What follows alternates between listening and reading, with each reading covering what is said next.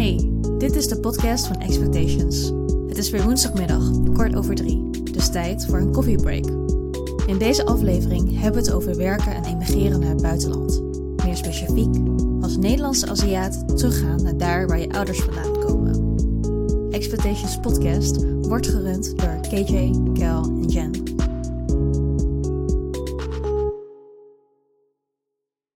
Hier geboren, maar terug naar Azië. Dat is de vraag die vandaag centraal staat. Mijn stem zal natuurlijk niet geheel onbekend zijn. Ik ben namelijk KJ, jullie host van vandaag. En bij deze special over Back to the Roots schuiven twee superleuke en interessante gasten aan de fysieke en uh, ja, toch wel de digitale tafel. Nou, tegenover me zit vandaag Jankin, die inmiddels al twee jaar in Hongkong is. En daarnaast hebben we ook CJ, TV-producer en director. En die is inmiddels al zeven jaar in Hongkong. Wat ook wel voor best wel wat leuke dynamiek zorgt. Dus uh, laten we allereerst even samen luisteren naar een korte introductie van CJ. Die uh, nou, natuurlijk op afstand aanwezig is. Ik ben Chang, een Chinees geboren in Nederland. Opgegroeid tussen twee culturen. Sinds 2015 woon en werk ik deels in Hongkong. In Hongkong maak ik televisieprogramma's over Nederland. En in Nederland maak ik een docuserie over de Chinese cultuur. Nou, dan hebben we in ieder geval de vertegenwoordiging van de sector media en de juridische sector dus al gehad. Dan uh, rest nu nog de vraag, wie ben jij, Jankin? Ja, hi, ik ben dus Jankin. Uh, inmiddels 32 jaar en uh, zoals KJ al zei al, ja, twee jaar in Hongkong. En voor Hongkong ging bij Deloitte vijf jaar gewerkt. En op een gegeven moment dus eigenlijk de stap gemaakt ja, naar Hongkong. Mooi, welkom nogmaals. Laten we hem dan gelijk doorpakken, gezien we nou ja, best wel een druk programma hebben. Met uh, twee diverse en waardevolle invalshoeken ook. Voor mensen die dus echt nou ja, daadwerkelijk de keuze hebben gemaakt om vanuit Nederland naar Hongkong te gaan. Dus het buitenland. De eerste vraag die vanzelfsprekend naar voren komt, is waarom iemand zo graag terug wil gaan naar ja, je roots in Hongkong. Daarbij dus ook wat zijn de voor- en nadelen en als vervolgvraag dan, wat waren drijfveren om te gaan en wat hield je het meest tegen? Ik stel voor om eerst even te luisteren naar het verhaal van CJ, waarna dan, uh, we dan jou dan even spreken, Jankin. Ja, dat is goed. Laten we even CJ even beluisteren. En dan uh, geef ik mij een uh, stuk van het verhaal daarna. Waarom wilde je graag teruggaan naar je roots in Hongkong? Wat waren jouw drijfveren om te gaan en wat hield je het meest tegen? Ik wilde terug naar Hongkong gaan in 2014, eind 2014, omdat ik uitgedaagd wilde worden. Um, ik, werkte, ik was al afgestudeerd, ik werkte al twee jaar. En ik dacht bij mezelf, oké, waar ben ik over vijf jaar? En ik zag niet, nou niet echt een hele grote groei of zo. Ik zou wel een promotie of zo krijgen, maar het is niet wat ik echt, echt wilde. En toen dacht ik bij mezelf, moet ik dit nog, moet ik dit nog 30 jaar blijven doen, 30 plus jaar. En toen dacht ik van, nou, de wereld is zoveel groter dan dit, laat ik het even proberen. Ik had ook een uh, project al gedaan in China, dus ik wist al een beetje hoe, um, hoe, de, markt daar, um, hoe de markt daar was. En uh, dus ik had al een heel klein beetje ervaring. En daarnaast ook vanwege liefde. Dus deze drie dingen uh, hebben ervoor gezorgd dat ik de grote stap durfde te nemen. En mijn drijfveren. Nou, ik denk dat iedereen mij wel supporten daarin. Het was spannend. Oh, wat een grote stap, wat dapper, wat stoer. Maar natuurlijk was het ook wel heel eng, want ik liet wel alles achter. Ik ging daarheen met bijna niets. Ik ging daarheen met 3000 euro. Ik had nog geen job. Uh, ik had geen woning daar. Maar tegelijkertijd uh, liet ik alles achter hier in Nederland. Mijn, mijn huurwoning, uh, vrienden, familie, maar ook mijn, mijn baan. Dus dat was wel heel spannend, maar toch ging ik het doen. Dus uh, dat is ondertussen alweer een tijdje terug. Zeven jaar. Zeven jaar. Ik ben al zeven jaar weg. Nou, de tijd gaat snel, hè? Zeven jaar. En eigenlijk toch wel uh, ergens een beetje nou ja, de zoektocht naar iets nieuws, iets spanning of zoiets. Ja, uitdaging eigenlijk. Dat is met name wat me is bijgebleven van, uh, van dit fragment van CJ. Was het ook een beetje ja, vergelijkbaar met uh, wat bij jou zich afspeelde, Jankin? Nou, op zich, uh, ik zie en ik hoor eigenlijk best wel veel overeenkomsten. Uitdaging, uiteraard. En ja, toch even terug naar de roots gaan. En dat, dat, dat bleef mij eigenlijk ook gewoon trekken om terug te gaan naar Hongkong. Voor de rest, ja, in mijn geval is natuurlijk iets anders. Hij is natuurlijk al zeven jaar, zit al zeven jaar in Hongkong.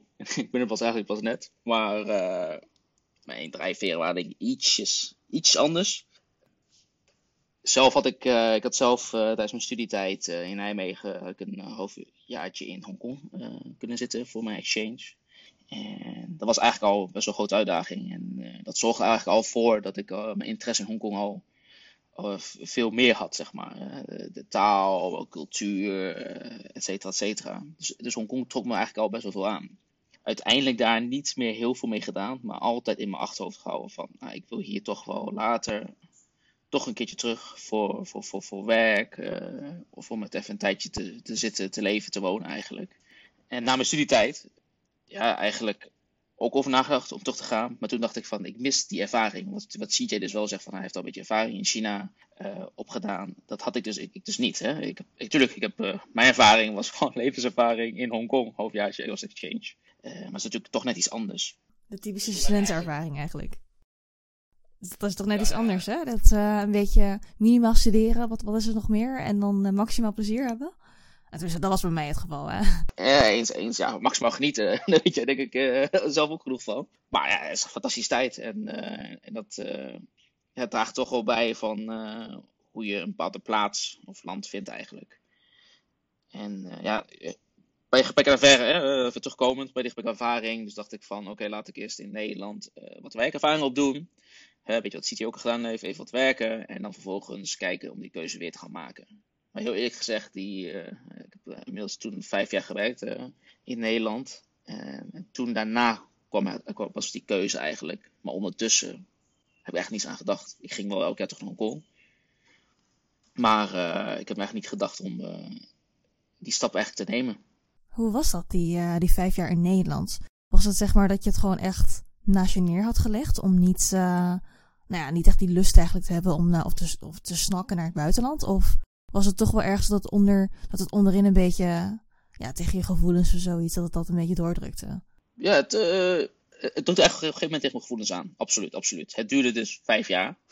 Uh, maar uh, ja, op een gegeven moment, hè, je begint met je nieuwe job, nieuwe uitdagingen. Op een gegeven moment ging ik ook verhuizen van uh, oosten van Nederland naar Amsterdam. dat is natuurlijk ook weer een nieuwe uitdaging, een hele nieuwe levensstijl, nieuwe mensen leren kennen. En ja, ik zat gewoon in die flow van de, van, van de nieuwe job, in de nieuwe stad wonen.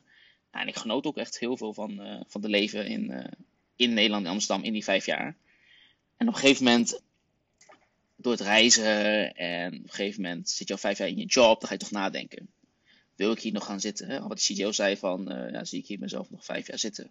Nou, bij mij was het precies hetzelfde. Na vijf jaar. Ik zag mezelf niet meer vijf jaar daar zitten eigenlijk. En uh, ik wou gewoon een nieuwe uitdaging. En uh, ja, wat is die uitdaging? Dat is voor mij eigenlijk toch gaan voor deze stap om naar Hongkong te gaan. Terug naar mijn roots. Om daar het leven weer te verkennen. Opnieuw te leren. Ja, nieuwe stad weer, uh, nieuwe mensen, nieuwe job, et cetera, et cetera. En op een gegeven moment uh, was even wik en wegen. De, de, de, de kost waren eigenlijk, zoals CJ ook al zei, familie, vrienden die je achterlaat. Dat is denk ik voor mij de grootste kost. En die afgelopen 30 jaar toch best wel veel mensen leren kennen. En gewoon echt wel echte vriendschappen. Ja, die ga je dan achterlaten. Maar ik dacht zo van op een gegeven moment van ja, het is niet echt achterlaat tegenwoordig met de hele globalisatie. We kunnen elkaar gewoon facetimen, we kunnen elkaar bellen, Facebook, Instagram, alles. Dus dat op zich maakt het ook weer uh, dat je niet heel ver weg bent. En je kan altijd toch vliegen, hè. daar niet van. En uh, had je ook, uh, merkte je veel verschil? Of was er juist een soort van eensgezindheid of zo? Van, van familie en vrienden? ja, dat is wel een goeie. Familie was, familie was denk ik wel, wel eensgezind ze zijn toch een beetje van de oude garde. Dus ze willen gewoon dat, dat je kind toch altijd probeert naar het buitenland te gaan. Oftewel terug naar Hongkong, waar zij vandaan komen. Om daar eens te proberen. Dat hebben ze altijd aangemoedigd, hebben mijn ouders ook gedaan. En dat heb ik stiekem ook al in mijn, eh, in mijn eigen beslissing meegenomen. En op een gegeven moment, ja, ik hitte toen die 30 aan. En dacht ik van, 30 nu, shit, wat nu, weet je. En dan ga je toch een beetje nadenken, vrienden over hebben. Vrienden waren dan enigszins, de meeste waren eigenlijk wel heel erg positief. Ik denk van, wow, ga je echt doen? Het bevalt hier toch allemaal prima. En het leven daar is toch best wel ja, zwaar. Veel hard werken. Weinig vakantiedagen, weet je wel. Hele andere cultuur. Ze weten dat ik gewoon uh, natuurlijk uit Hongkong kom en de taal gewoon spreek. Ze, ze weten ook wel, dat komt toch goed. Maar ze snappen ook wel van, ja, op een gegeven moment kom je in de fase van, wil je meer stabiliteit in je leven? Huisje, popje, beestje, weet je, et cetera, al die, al die dingen. Uh, daar zijn die vrienden van mij dus wat meer, wat verder in. En die, uh, die, die, namen dat toch wel mee, weet je, die stabiliteit. En voor mij was het meer van, ja, stabiel. Ja, dat is de tijd stabiel gebleven eigenlijk. Goed naar mijn zin, stabiel. Nou, wat als? Dat is de grootste vraag. Wat als? Hè? Altijd al gewild. En als ik het nu niet doe, dan, ja, I don't know, misschien laat er echt spijt van. Dus vervolgens gewoon die stap genomen. En uh, de vrienden waren uiteindelijk gewoon allemaal, uh, ja, waren echt blij ervoor. Ik vond het echt jammer. Ik vond het echt jammer dat ik echt ging. Dat was wel, uh, dat merkte ik ook wel. Ze waren echt flabbergasted, totally. Ja, ik herinner me nog... Maar heel blij periode natuurlijk toen jij naar Hongkong ging. Dat, dat viel een beetje half samen met corona natuurlijk. Of de startkamp van corona. Dat, uh, dat markeert ook wel enigszins een beetje een aparte periode om weg te gaan, toch? Zeker, zeker. Uh, vrienden die zagen dat dus. En uh, niet alleen corona en covid, maar ook in Hongkong. is natuurlijk ook politiek. Dus speelt natuurlijk een heel grote rol. En dat kwam ook vaak in het nieuws. Dus mijn vrienden zei ook al van, ja, wil je daar wel echt naartoe met dit? soort politieke en covid ook nog eens. Weet je, twee verschillende dingen is dit wel een goede periode? Was natuurlijk een beetje twijfel, hele lichte twijfel, maar uh, uiteindelijk helemaal niet tegen. Ik bedoel, ik, ik, had, ik zeg, ik toen mijn werk opgezegd en uh, ik was al klaar om te gaan, zeg maar. Dus om dan weer 180 graden terug te draaien vanwege COVID en de politieke dingen. Uh, denk ik van, nee, dat, dat ga ik niet doen. Ik ga die stap gewoon wagen. En, en, en wat natuurlijk wel scheelt, vergeleken met bijvoorbeeld met CJ. Hij ging hij kwam daar met niks, hè. Maar ik, ik, heb daar nog, ik heb hier in Hongkong best wel veel familieleden nog. En uh, ik heb ook een plek waar ik kon blijven. Dus dat, dat, dat scheelt al zoveel. En dat hielp mijn keuze ook wel van. Ik, ik hoef niet met uh, helemaal van nul te beginnen, zeg maar. Ik ken hier in Hongkong ook al wat mensen van mijn studietijd.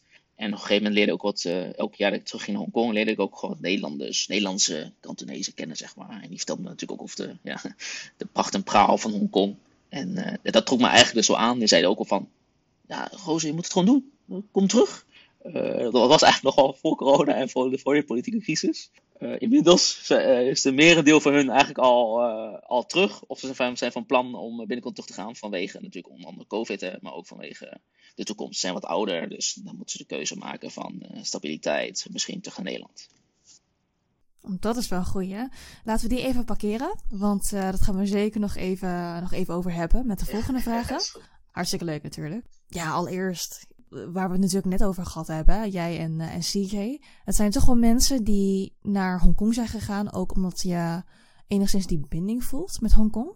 En dat is eigenlijk wel interessant eigenlijk ook om te zien, want uh, ik las dus laatst ook een artikel.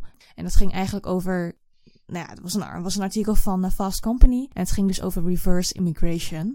Dus eigenlijk dat de kinderen van de immigranten die ooit naar het buitenland zijn vertrokken om juist nou ja, toch wel een betere, een, betere leven voor zichzelf en voor de familie te kunnen creëren. Op een gegeven moment krijgen ze dan kinderen daar in het buitenland, terwijl ze als eerste generatie allochtoon dan nou ja, best wel hard moesten werken. Dat zien we denk ik ook wel terug hè, met onze ouders. Ja, onze ouders. Precies, je spreekt de taal niet. Vaak de eerste generatie Chinezen, die hebben toch wel, ik generaliseer nu wel een klein beetje, die hebben vaak toch wel een restaurant gehad. Dus dat, er, dat heb ik tenminste. Nou ja, op een gegeven moment, de kinderen die je in Nederland hebt laten opgroeien, of die in Nederland zijn geboren, vaak willen die toch wel op een of andere manier terug naar, ja, naar het land waar de ouders vandaan komen. Of in ieder geval richting Azië. Interessant in ieder geval om te zien. Uh, laten we even doorgaan naar, uh, naar de tweede vraag. Dat hangt dus samen met wat je net vertelde, hè? Vrienden die naar Hongkong zijn gegaan vanuit Nederland. En die na inmiddels enkele jaren ervaring toch wel denken van, hè, misschien is het tijd om terug te gaan. Dus de tweede vraag luidt dan ook. Inmiddels zit je dus meer dan vijf jaar in Hongkong, of in jouw geval Jankin twee jaar. Wat is na al deze jaren ervaring in Hongkong het grootste verschil qua werk en privésfeer in vergelijking met het leven in Nederland? Nou, qua werken, op een gegeven moment ben ik hier natuurlijk gekomen zonder een vaste baan, hè, want ik heb mijn huidige baan of mijn toenmalige baan opgezegd. Maar ik wil natuurlijk met een schone lei beginnen in een nieuw land, nieuw plek. Dat is echt het idee uiteraard met wat medical tijd. En met COVID was dat best wel was het goed te doen. En uh, uh, op een gegeven moment natuurlijk op zoek gaan naar een baan. En toen merkte ik toch wel van. Ik hè, als. Ik ben geen expert, hè. Een expert ben je echt als je door een bedrijf uit het buitenland naar Hongkong bent gestuurd. Ik merk of dat mensen wel bedrijven hier wel openstaan voor, voor mensen zoals ik. Hè? Mensen die uit het buitenland komen, met buitenlandse ervaring. En die natuurlijk ook de taal spreken. Dus dat merkte ik best wel, dat er best wel veel vraag naar was. Dus ik ging op een gegeven moment ook gewoon solliciteren. cv's opsturen, praten met recruiters, et cetera. En dan merk ik toch wel van, uh, vraag is er zeker. Uh, maar het grootste verschil, wat in Nederland natuurlijk vooral naar kijken, als je in, in, in is, is ook natuurlijk de matchen. Ook zijn persoonlijkheid, hoe je persoon, fit je wel in een bedrijf, fit je wel in een bepaald team. En zo verkocht ik mezelf ook al een beetje van, hè, dat ik veel kan leren, bepaalde ervaringen heb gehad en die kan toepassen in een bepaald nieuw bedrijf bijvoorbeeld. En tijdens het gesprek met die recruiters kwam ik toch achter dat ze zeggen van, ja, eigenlijk boeide, de recruiter niet zoveel hoe je bent als persoon. Ze kijken puur naar je, eigenlijk naar je skills. Hè? Tuurlijk, uh, soft skillset, et cetera, uh, andere ervaring, werkervaring ook. Maar ze gingen specifiek voor bepaalde functies gaan ze kijken van, heb jij in die specifieke job, heb je daar ervaring in gehad, in een specifiek bedrijf? En uh, als je het niet hebt, dan vallen ze toch al heel snel van, oh, je hebt dat niet echt. Je hebt, net, je hebt niet in, in een consumerbedrijf gewerkt bijvoorbeeld, in een finance positie. Ja, dan zeggen ze van, oké, dat is toch iets anders. Je hebt audit gedaan bijvoorbeeld, is heel anders. Ja, dat precies. Je, je hebt ervaring opgedaan in audit in Nederland, bij ja. Big Four. En dat was ook hetgene wat je in Hongkong, of nou ja, niet hetgene wat je in Hongkong zocht. Eens, eens, eens. Dat is zoals als onder andere ook een, uh, een van de andere motivaties om uit Nederland te vertrekken. Uh, op een gegeven moment een audit ben je natuurlijk, of je gaat door, of je bent er gewoon klaar mee. En ik was op zich gewoon echt klaar mee. En ik dacht, ja, als ik toch een nieuwe stap ga doen, ja, dan ga ik niet naar Hongkong om weer audit, achter audit te gaan stappen. Uiteraard met de verhalen wat, je daarvan, wat ik van vrienden heb gehoord, ja, dat is daar gewoon echt niet te doen qua werkzaamheden en qua druk en qua werktijd, et cetera. Dus dat ik absoluut niet. Dus ik was ook echt op zoek naar het tegenovergestelde van een audit. Hè, in een finance positie als financial analyst bijvoorbeeld. Uh, aan de andere kant van de tafel te zitten. Dus echt in, intern bij een bedrijf. En daar te gaan helpen met de, de financiën. En te helpen met de beslissingen daar uh, in te structureren. Op basis van financiële data. Dat is wat ik echt op, zoek, op zoek ben. Maar die ervaring hebben we natuurlijk niet echt in Nederland gehad. In Nederland is het heel makkelijk om te switchen. Uh, aan de andere kant van de tafel. Maar hier merk ik toch wel van, uh, is wel lastig. Want ik heb niet echt intern met bedrijf gewerkt. Ja, ik werkte bij, uh, bij Deloitte in Nederland en ik ging langs verschillende bedrijven. Dat is, is voor Nederland eigenlijk al genoeg van, je hebt genoeg gezien. Je kan zo snel dingen oppakken. je kan dingen ja, ook, ook, aanpakken omdat je verschillende bedrijven hebt gezien. Maar dat in Hongkong merk ik toch wel, dat, dat, daar zoeken ze niet echt naar. Dus kijk van, heb jij in dat interne bedrijf, industrie gewerkt? En heb je daar ook specifieke ervaring in, als bijvoorbeeld financial analyst, ja of nee? En dan spreken ze jou pas aan, zeg maar. Of dan hebben ze weer interesse pas. En uh, dat is dus niet het geval. Dat is dus het grootste verschil eigenlijk qua, qua werk zoeken hè, in een werksfeer. Zou je dan eigenlijk zeggen dat, ze, dat je eigenlijk in Hongkong, dat ze strenger zijn voor een bepaalde positie eigenlijk? Dat is echt puur kijken naar de ervaring of valt het eigenlijk wel mee? Ja, hoe, hoe zit het eigenlijk? Poeh, ja, strenger. Uh, eigenlijk was zij heel strikt en volgens de regels kijken naar jouw, jouw directe ervaring voor die positie.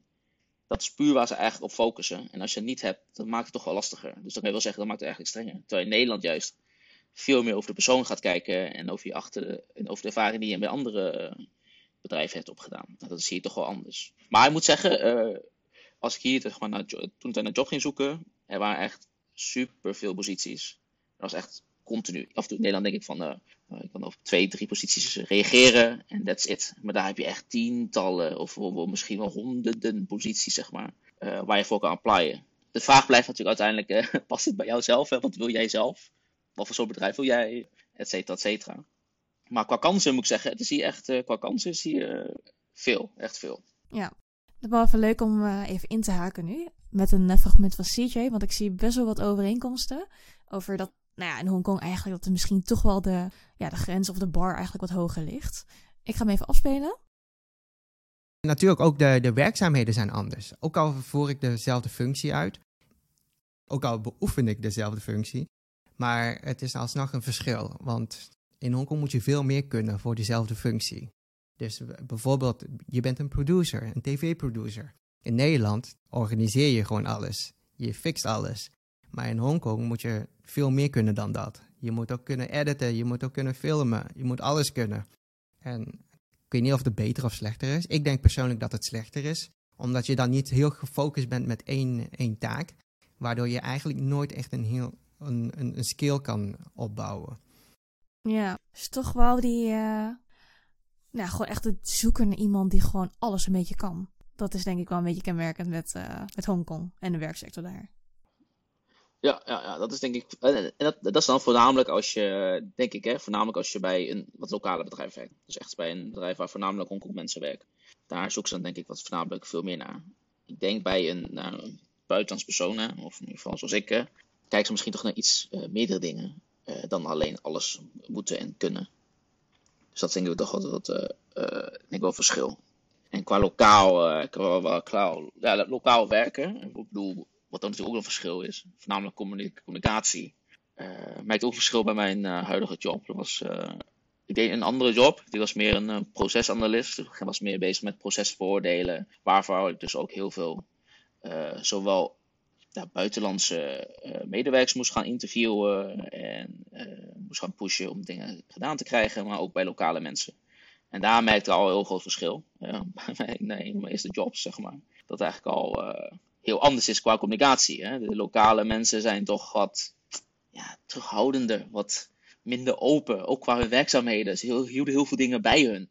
Tuurlijk, in Nederland heb ik uh, als, als, een, als, als audit ook veel bij, bedrijven binnen gezeten, gekeken, gezien. Daar hielden mensen natuurlijk ook hun eigen hachie redden. Maar met in Hongkong veel meer. Uh, ze worden gewoon heel bepaalde informatie willen ze gewoon niet, echt totaal niet delen. Of, ja, of ze schuiven het naar totaal andere mensen toe, zeg maar. Daar ben ik niet verantwoordelijk voor, zoek het daar maar uit. Gewoon klaar. En ook best wel bot, zeg maar. In Nederland krijg je nog wel van, ja, eigenlijk ben ik daar niet verantwoordelijk voor. Ja, misschien moet je toch bij die. Maar daar hier in Hongkong meter van, nee, dat doe ik niet. Dan moet je maar bij hem zijn. Zoek zelf maar lekker uit. best wel bot ook zo. Alsof ze hun eigen. Ja, ze waren eigenlijk op eilandjes aan het werk. Dat merkte wel bij een bedrijf waar ik toen zat. Het was toen een, het was een Australisch lokaal bedrijf. Dus het was een beetje 50-50. Dat is niet totaal lokaal, maar wel enigszins. En voor de duidelijkheid, dit was een uh, project die, uh, die je deed in Hongkong, hè? Dus een van je eerste werkzaamheden. Ja, ja klopt, klopt. Dat was een van de eerste werkzaamheden die ik deed. was een, was een, was een projectje. En het heeft niks te maken met mijn studie eigenlijk, of met mijn vorige werkzaamheden. Maar wel enige raakvlakken, zeg maar. met mensen sparren, processen beoordelen, et cetera. Als je kijkt dan naar hoe lang je daar hebt gewerkt, hè? gewoon voor dat project. Hoeveel heb je er opgestoken eigenlijk? Want het was totaal iets anders dan wat je, wat je gewend was, toch? In Nederland? Zeker. Het is ja, best wel veel eigenlijk. Het was, uh, het was fijn om weer even aan de bak te gaan. Even, even aan het werken. Hersenen even op andere toeren, level aan het draaien. Maar uh, ja, het was echt leuk. Er was ook veel, best, wel veel klantcontact. Dat vond ik echt best wel belangrijk. En ook het leuke zowel van mijn vorige baan als echt wat, wat, wat met deze project is. Ik moest echt met verschillende niveaus communiceren, van de management tot aan eigenlijk de hele laagste level, administrateurs, tot aan mensen die echt uh, marketing deden of et cetera, et cetera. Dus hij zag van verschillende levels echt bepaalde dingen. En dat was echt wel leuk, omdat het ook, met, zowel met buitenlanders was, of buitenlanders, hè, als met de lokale mensen. En het meest wat ik geleerd heb, is toch de, de, communicatie eigenlijk met de locals, hè? de lokale Hongkong mensen. Dat, het, uh, dat mijn directheid, Nederlandse directheid, toch niet altijd even snel gewaardeerd wordt. Niet, niet aan mijn Nederlandse directheid, maar ook gewoon mijn manier van werken. Hè. Dat komt natuurlijk uit die, uh, die Deloitte, is natuurlijk gewoon strakke deadlines. Op een gegeven moment ga ik een beetje pushen. vragen informatie en ook heel kritisch zijn. En op een gegeven moment, ja, trokken die lokalen het niet. En denken van, waarom is je allemaal deze vraag te stellen? Waarom vraag je dit? En op een gegeven moment, bij de management zelf, dachten ze ook van, waarom ben je zo kritisch? Waarom kijk je zo diep naar deze details? Ik zo, dat is toch waarvoor je mij ingehuurd hebt? Ja, maar misschien, uh, doe toch maar niet zo heel, heel kritisch. Denk ik van, oké, okay, fine, weet je. Dan passen we zelf ook op aan. Nou, dat is wel echt het grootste verschil, hè? Daar hebben we natuurlijk ook eerder over gehad. Verschil tussen de Nederlandse cultuur en daarbij dus ook de werkcultuur met, uh, met wat, wat je in Azië gewend bent. Het gaat allemaal toch wat meer indirecter, wat soepeler, wat, ja, dat eigenlijk. Als je dat gaat vergelijken, het werken in Hongkong met het werken in Nederland, wat is dan echt het meest opvallende wat, uh, wat in je opkomt? Ik denk uh, het communiceren eigenlijk. Communiceren en misschien effectiviteit. En het samenwerken. Ik denk dat deze, deze drie dingen toch het grootste verschil is. Communicatie heb ik net al verteld, hè. dat is echt uh, veel indirecter. Misschien moet je wat smoother gaan praten of echt relatie opbouwen met bepaalde personen als je bepaalde dingen wilt. Hè? Ongeacht wat je positie is. Hè? Qua effectiviteit. Ja, ik weet niet, ik merk toch wel dat die mensen hier wat, tenminste in dat project gezien hebben, in die functie zeg maar, zowel de finance marketing als de, het produceren van producten ervan, die mensen daar, zijn toch wat, wat trager lijkt het wel. Of wat minder effectief lijkt het wel. Uh, het duurt wel langer voor ze wat gedaan hebben Misschien vanwege ook de communicatie, hè, dat het wat langer duurt. heen, en, heen en weer, dus ze kunnen geen knopen doorhakken. Dat is wat wij natuurlijk in Nederland wel gewend zijn. Op een gegeven moment, ja, het duurt veel te lang, laten we gewoon knopen doorhakken. Zelfs met vergaderingen, op een gegeven moment gaan we knopen doorhakken. Uh, we gaan gewoon dingen bespreken en klaar. Maar dat is daar merk ik toch wel, is wel, uh, wel een verschil. Maar we verschillen misschien per bedrijf. Hè? Ik ging natuurlijk naar een het project was een, een klein middelbedrijf met 50 man, 60 man. Dus daar werkte misschien ook wel net iets anders. En het laatste punt was. Uh... nou, waarschijnlijk dus niet zo heel belangrijk. Hé, hey, maar een leuk punt nu. Dat, uh, want je geeft dus aan dat Hongkong eigenlijk net iets minder efficiënt gaat qua communicatie en qua, qua werk eigenlijk. Omdat je vaker, nou ja, je moet je meer gaan focussen op relatiebuilding uh, eigenlijk. Terwijl je in Nederland, nou ja, je in principe nog best wel, uh, best wel duidelijk en, en efficiënt je vragen gericht kan stellen, toch? ik, heb hier, ik heb hier een fragment van CJ. Laten we daar even naar, naar kijken. Is goed, ja. Het is meer, um, Nederland um, is alles wat trager. En in Hongkong zijn mensen heel ambitieus. Maar dat komt ook door de markt. Het is een onzekere markt. Uh, je hebt geen vast contract. Je hebt heel veel competitie. En alles is onzeker, waardoor je nog harder gaat werken. En in Nederland is alles zo veilig, heel fijn. En daardoor uh, is ook niet zo een urgentie om te groeien. En dat is in Hongkong wel zo. CJ heeft het hier dus meer, denk ik, over het gevoel, hè? Het algemene gevoel in plaats van echt specifieke werkzaamheden waar je het net over had. Voel je de urgentie om te groeien? In Nederland bedoel je toen de tijd? Ja. Nou, in Nederland wel, maar het komt natuurlijk ook wat voor werkomgeving je zit. Ja, kijk, stel als je bij de overheidsinstantie is, dan denk je misschien net iets anders dan wat uh, als je bij uh, een of andere uh, start-up of wat dan ook groot bedrijf gaat werken. En bij mij toen, bij een Big Four, ja, dat was toch wel, de urgentie was er wel, zeg maar. Om de twee jaar moest je eigenlijk al een stap maken. Dan was je in line met de groei van iedereen, zeg maar. Dus op een gegeven moment, als je dat niet doet, dan loop je achter, zeg maar. Dus je geeft jezelf indirect toch wel die druk om mee te gaan groeien. Dus wat Sheeting natuurlijk bedoelt, natuurlijk, we zitten natuurlijk in verschillende sectoren. En verschillende bedrijven, en dat zorgt natuurlijk voor verschillende ja, groeifactoren, goede urgenties. En op inhaken op wat eigenlijk CJ eigenlijk zegt, hè, van uh, Nederlands wat trager. Trager in de zin van, van groei in het algemeen, zeg maar. Ook meer, misschien meer stabiliteit, meer rust, misschien meer vakantie, meer uh, andere werkzaamheden. Maar hier, wat hij dus eigenlijk uh, doet in Hongkong, is gewoon van, ja, de loyaliteit is hier, valt hij ook al best wel vies tegen. Men, wat ik van vrienden hoor, ja, ze switchen na 1, 2 jaar switchen over een bedrijf. Als ze ergens anders een beter pakket kunnen krijgen qua salaris en voorwaarden, dan switchen ze meteen. Ze hebben dan eigenlijk gewoon letterlijk uh, ja, scheet aan het andere bedrijf. Maar is dat in Nederland niet zo dan? Op zich, dat is ook niet, niet echt enorm vreemd voor Nederland, toch? Nee, laatste, ik denk de laatste tijd uh, is het inderdaad ook zo. Maar ik denk niet zo, zo vlot als hier misschien hè, in Nederland heb je, is de loyaliteit ook wel steeds minder en minder. Vooral met de nieuwe generatie, eh, inclusief ik. Maar uh, Hongkong is echt next level. Het is echt, uh, als iets beter pad is, meteen weg. Niet zoveel nadenken, gewoon weg. Ondanks als er geen fit is qua, qua, qua bedrijfscultuur, qua mensen of wat dan ook. hey, ik kan daar meer geld verdienen. En uh, volgens mij kan ik mezelf daar wel verkopen. Dan gaan ze gewoon daar aan de slag. Want wat, wat zie je dus het is, het is hier zo competitief omdat hier zoveel mensen zijn die, die continu van rotatie van jobs gaan. Dus er is continu vraag naar jobs. Dus als jij geen fit bent, dan zoeken ze wel naar iemand anders. En dan komt daar een positie vrij en dan, kan je daar weer voor solliciteren. Dus er is continu een loop hiervan. Dat eigenlijk wat ik denk is eigenlijk slecht voor het bedrijfsleven. Want ja, uh, mensen, je leert ze iets, ze doen het goed en op een gegeven moment gaan ze weer weg. Dus je, je retent, is geen retention van talent. En dat is uh, wel een grote issue, denk ik. Maar goed, uh, is stil drijvende. Uh, volgens mij doen ze het in het algemeen best wel goed qua zaken, et cetera. Dus het werkt. Want iedereen gaat mee in deze red race van competitie, snel nieuw job, meer geld verdienen. En dat meer geld verdienen ligt natuurlijk ook leefstandaard die zijn uh, naar mijn weten, na deze was van deze twee jaar, het, het, kan heel goedkoop zijn, maar het kan ook heel duur zijn. Precies. De levensstandaarden, dat valt natuurlijk in de privésfeer. En uh, ja. nou ja, we hebben net natuurlijk over werk gehad, hè. Dus uh, het grootste verschil in werksfeer in vergelijking met Nederland. En qua privé dan.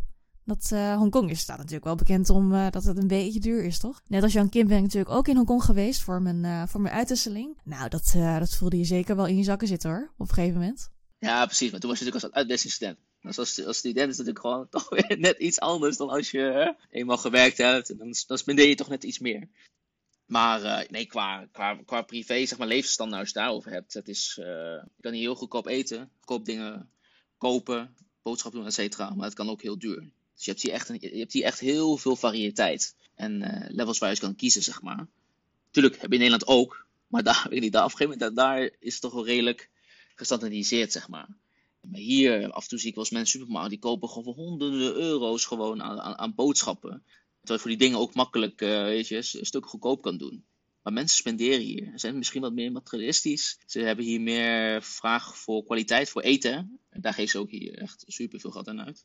Uh, ja, dat voornamelijk. Wat was het ook alweer? Toen ik laatst nog vorig jaar op vakantie was in Hongkong.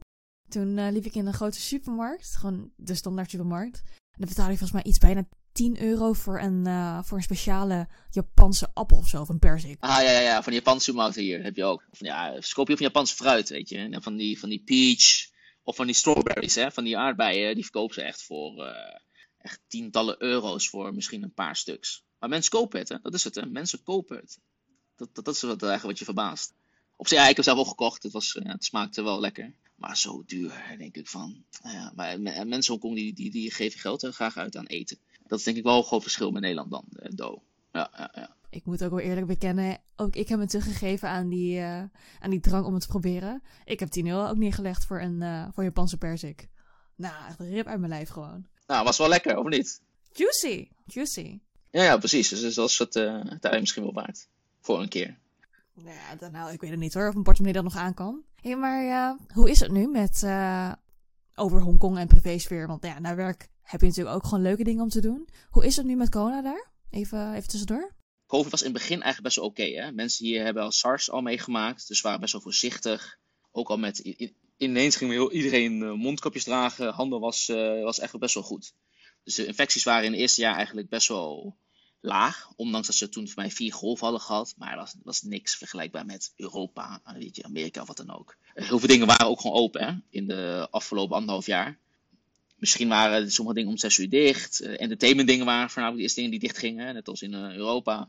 Maar de, de, de shops of uh, restaurants die bleven gewoon open, want mensen moeten, ja, moeten ook gewoon eten. En, dat is wel een groot verschil. En recentelijk dus onze vijfde golf al gehad, hè, vijfde golf van COVID. En die, ja, die, die, die, was wel hard aangekomen hier. Mensen waren nog niet heel erg keen om te gaan vaccineren, omdat ze ook geen incentive hadden om te gaan vaccineren, want ze komen ja, Hongkong toch niet binnen. Of ze moeten, als ze naar Hongkong moesten gaan, moeten ze quarantaine. De ergste was 21 dagen in quarantaine. Nou, volgens mij heb je het wel eens gedaan of niet? Helemaal ziek. Niet te doen, niet te doen. En nu zelf heb ik, was ik ook uh, afgelopen maand geweest hè, naar Europa. Toen moest ik maar 14 dagen. Toen kwam naar Hongkong. Dus dat viel nog wel mee. Maar dat zorgt al voor mensen niet zo snel willen gaan vaccineren. En mensen in het algemeen, misschien Aziaten, zijn een beetje sceptisch tegenover prikken zetten, denk ik. Maar daardoor was die vijfde golf dus hard aangekomen. En op een gegeven moment was echt 50, 60k infecties op een dag. Klinkt misschien niet veel vergeleken met Europa, wat dan ook. Maar je moet voorstellen, Hongkong is even groot als Gelderland. En er wonen 7 miljoen mensen. En de dichtheid is echt, is echt niet te geloven. En in een flat uh, wonen zoveel mensen. Uh, in een metro, in de bus. Er zijn echt zoveel mensen op, op straat, et cetera. Dus het is heel anders. Dus als, eenmaal het, als het eenmaal hier uitbreekt, dan ben je gewoon, ja, ben je gewoon de sjaak. En dat is eigenlijk wat gebeurd is. En uh, toch nog steeds geen lockdown gehad. Uh, zes uur bleef alles dicht. En je mag maximaal met z'n tweeën uh, bij elkaar thuis zitten of met z'n tweeën op straat. En de rest bleef eigenlijk open. De shops en restaurants bleven tot zes uur open. Dus je kon eigenlijk best wel veel dingen doen. Ja, het strand was dicht. Je kon niet naar de kroeg. je kon niet stappen, weet je wel. maar heel veel mensen gingen daarvoor dan. Dan gingen ze maar hiken. Of ze gingen weekendtripjes doen naar, naar bepaalde eilanden in Hongkong. Dat zag je wel veel. En nu is het eigenlijk alweer beter. Nu uh, 1 april of een paar dagen uh, gaat Hongkong weer langzaam open. Dus in de avond gaat heel veel dingen weer open. Ook de gyms, entertainment venues, et cetera. Dus het begint weer een beetje de normale gang van zaken te worden. Maar, uh, maar mensen zijn hier echt, net zoals Europa, gewoon coronamoe. Hier misschien nog meer, omdat ze in kleine ruimtes wonen. Ze hebben twee jaar totaal niet kunnen reizen. Ja, behalve Hongkong. En ja, op een gegeven moment zag je, zie je mensen zoveel mensen op straat lopen. Dat is echt niet normaal. Ja, ja. Nou, Jan Kin, je zegt dus dat, uh, dat Hongkong dus nu weer langzamerhand open gaat. Eigenlijk een beetje vergelijkbaar met wat in Nederland gebeurde, hè? Want we zijn natuurlijk al een paar maanden een beetje los hier. Ook in het OV hoef je inmiddels geen, uh, geen mondkapje meer te dragen. Nergens meer eigenlijk. Dus nou goed, eigenlijk dat in Hongkong ook alles weer open gaat. Want ja, ik denk toch wel op een gegeven moment dat, dat het toch wel gewoon door moet gaan. Ondanks enige voorzichtigheid met corona. Hé, hey, maar CJ gaf dus aan uh, in een van zijn fragmenten dat Hongkong eigenlijk leuker was voor corona. Wat vind jij daarvan?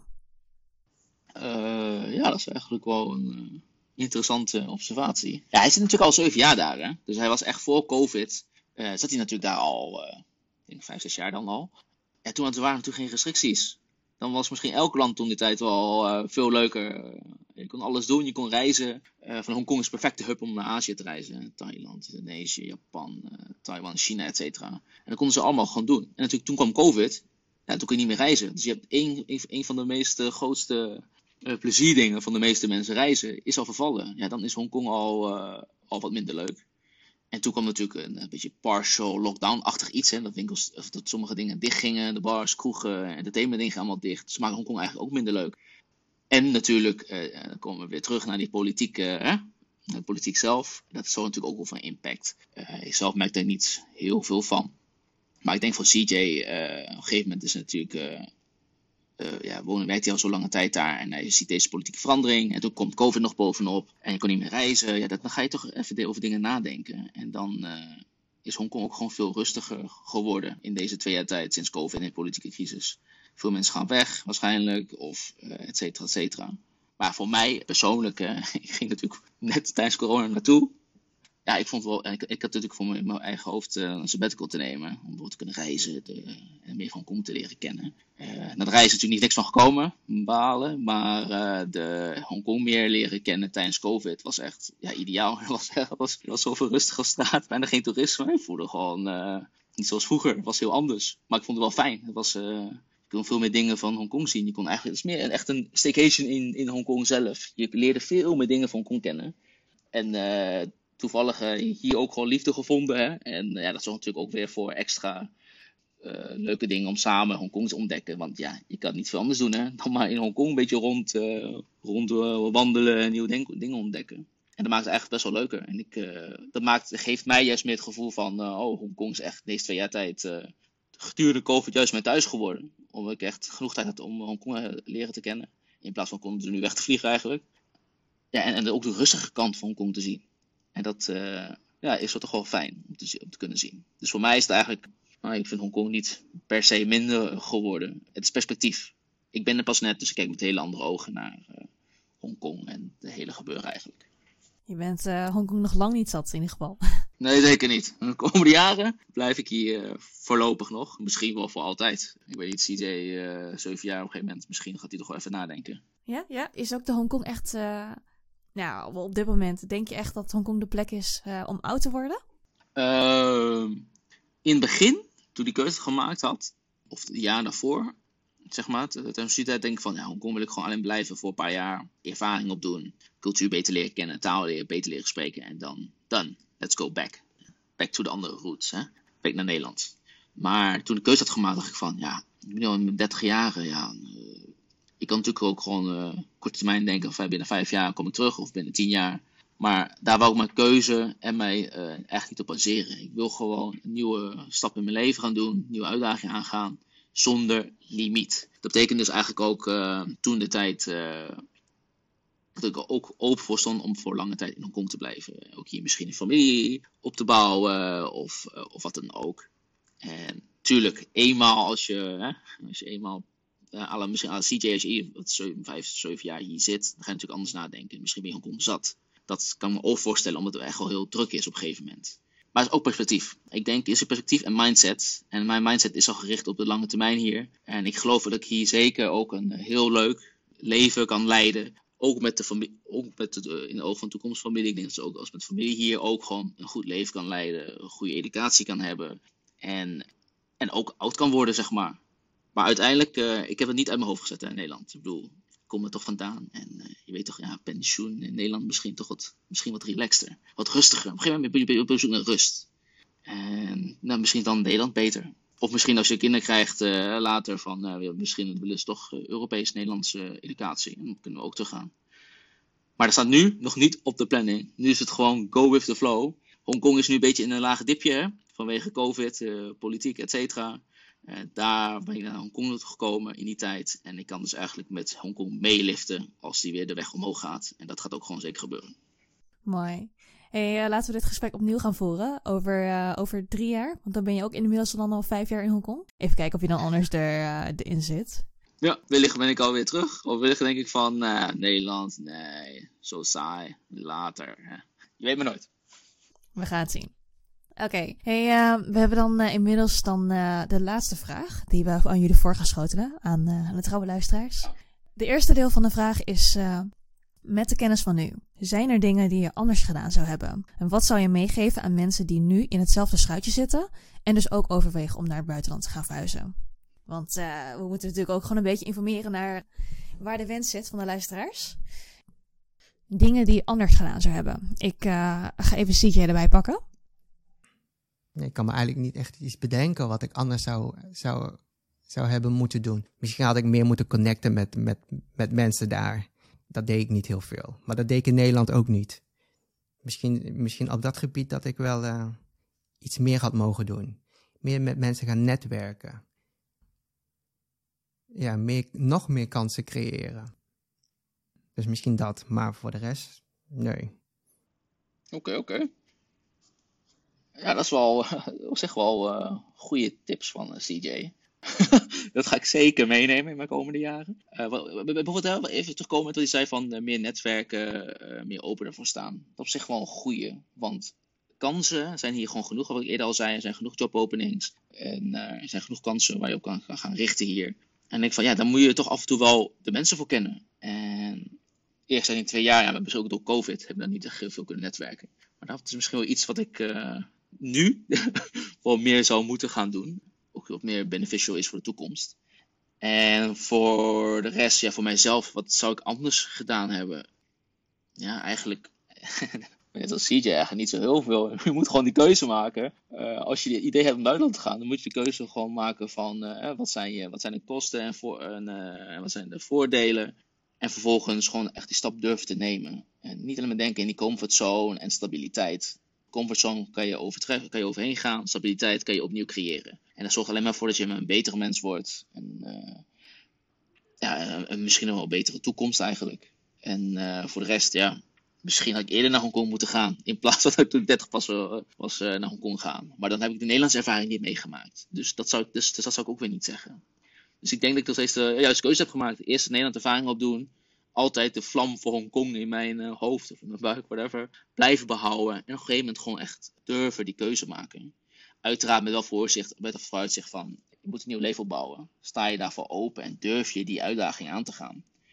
Uh, ik kan zeggen, uh, ik, begin, ik begon natuurlijk niet met nul, maar was toch wel enigszins nieuw.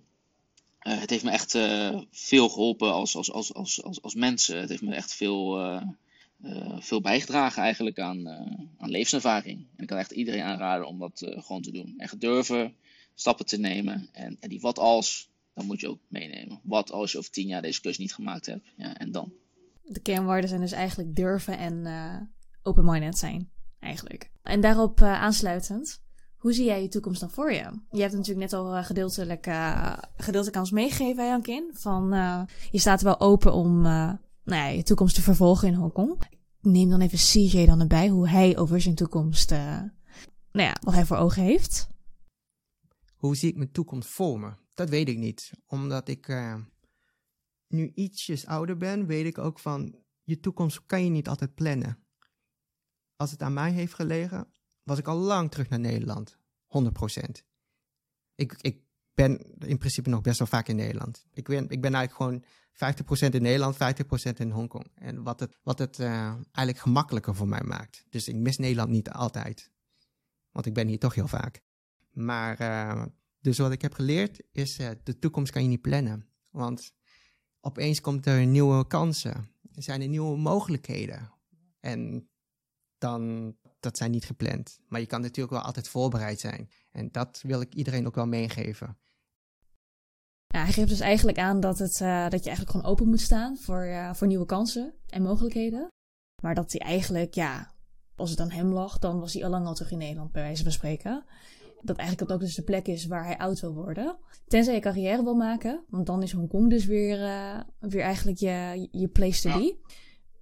Eens, maar ja, ik ben het wel eens met wat, je zegt. Eigenlijk gewoon een beetje van go with the flow en openstaan voor, voor wat op je pad afkomt. Dus met andere woorden, geen limieten aan jezelf uh, geven van ik ga over twee jaar terug, over vijf jaar terug of wat dan ook. Ja, op zich bedoel, heel veel mensen misschien uh, zien Hongkong al niet als een plek waar je oud moet worden. Dat is natuurlijk een soort van limiet, maar dat is fijn. Maar ga niet jezelf iets aanleggen van ja, over een paar jaar, twee, drie jaar ga ik terug. Want je weet niet wat over die twee, drie jaar gebeurt. Er kunnen zoveel dingen op het pad afkomen. Wat, wat, wat misschien beneficial is, of misschien wat juist zorgt dat je terug gaat. Maar blijf er altijd voor openstaan. En altijd genieten van je, van je, van je trip, van de, van de flow eigenlijk, uh, zou ik zeggen. En dat maakt het leven dan ook zo spannend. Dus je weet nooit waar het heen gaat. Maar natuurlijk heb ik wel een eindgoal. Mijn eindgoal is niet per definitie dat ik het zal bereiken. Maar het is wel een richting waar ik heen ga. Dus die eindgoal, heb je dat, uh, heb je dat ook een keer? Kinderen uh, maken. Iedereen wel een soort van endgoal heeft. Een endgame. Maar uh, ik heb... Ik, ik, ik heb hem toch niet heel goed op mijn netvlies. Maar ik houd het maar gewoon heel breed, zeg maar. Dat is gewoon uh, voor mij bijvoorbeeld. Uh, stap naar Hongkong gaan we voor de uitdaging. En een, een leuk en leerzaam ervaring opdoen in Hongkong. En, ook, met, en ook met het idee van dat ik echt heilig geloof dat waar ik ook naartoe ga. Dat het aan je eigen mindset en perspectief ligt. om het ergens leuk en een nice plaats, een plek te geven om te kunnen leven, zeg maar. En dat is eigenlijk een beetje mijn, ja, misschien mijn endgoal dan. Hè? Dat ik uh, in Hongkong inderdaad uh, een heel goed leven kan leiden. Zoals ik het had voorgesteld. Uh, dat het echt kan, ook in Hongkong. Ondanks alle, alle vooroordelen, et cetera. Dat is een beetje mijn endgoal eigenlijk. Oké. Wat leuk om te horen, want je geeft dus eigenlijk aan of dat laat ik je nu even horen, dat hij uh, bij aankomst in Hongkong eigenlijk altijd al de gedachte had van, nou ja, ik ga denk ik toch wel ooit een keertje terug naar Nederland. Ik pak hem even erbij. Maar ik verwacht dat ik uh, binnen twee jaar terug in Nederland ben en dan ga ik het rustiger aandoen. Ja, dan wil ik, uh, dan wil ik, uh, dan wil ik wat stabieler leven. Dan ben ik ook wel toe aan een stabiel leven, denk ik. Maar ja, to be honest, dit zei ik vijf jaar geleden ook. Dus ik weet het echt niet. Oké, oké. Okay. Stabiele leven. Ja, hij zit, dat is ik zei, hij zit in een andere fase. Hij zit al zeven jaar daar. En hij is, al wat, is een klein beetje ouder. En op een gegeven moment ga je de keuze maken. Hè? Wil je meer stabiliteit in je leven? Uh, wil je terug naar Nederland? Hè? Dat zijn toch die twee grote hamvragen.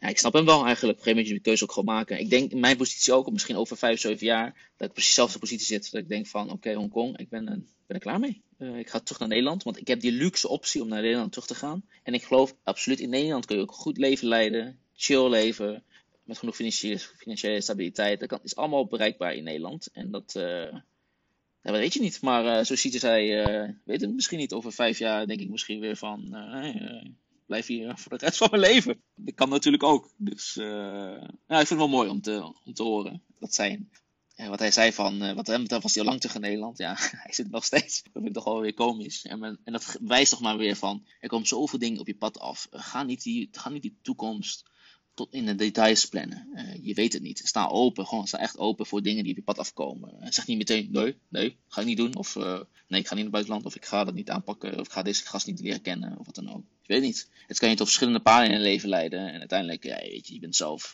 je maakt zelf de keuze welke richting je gaat. Dus ja, maak er het beste van. dat is, spreek me over een paar jaar maar weer. Dan kunnen we het even recappen. Er komt een uh, deel 2 over een paar jaar als uh, onze podcast er, er, nog is, natuurlijk wel. Hé, hey, maar uh, mooi. Ik denk dat wij langzaam richting het afronden gaan. Ik denk dat de centrale eigenlijk, het centrale punt dat we mee kunnen nemen, of mee kunnen geven aan iedereen, is dat je nou ja, toch wel moet kunnen durven. En durven eigenlijk om je grenzen telkens te verleggen. Durven om die comfortzone op te zoeken. En vooral breder te kijken dan, dan wat gewoonlijk is. Oké, okay, mooi. Dank voor je, dank voor je komst vandaag, Jankin. Uh, ik denk dat we echt, uh, ik denk echt dat we heel veel hebben opgestoken van uh, zowel jij als van CJ, hè? middels de ingezonde voice memo. En wie weet spreken we elkaar binnenkort weer. Helemaal goed. Top. Oké. Okay.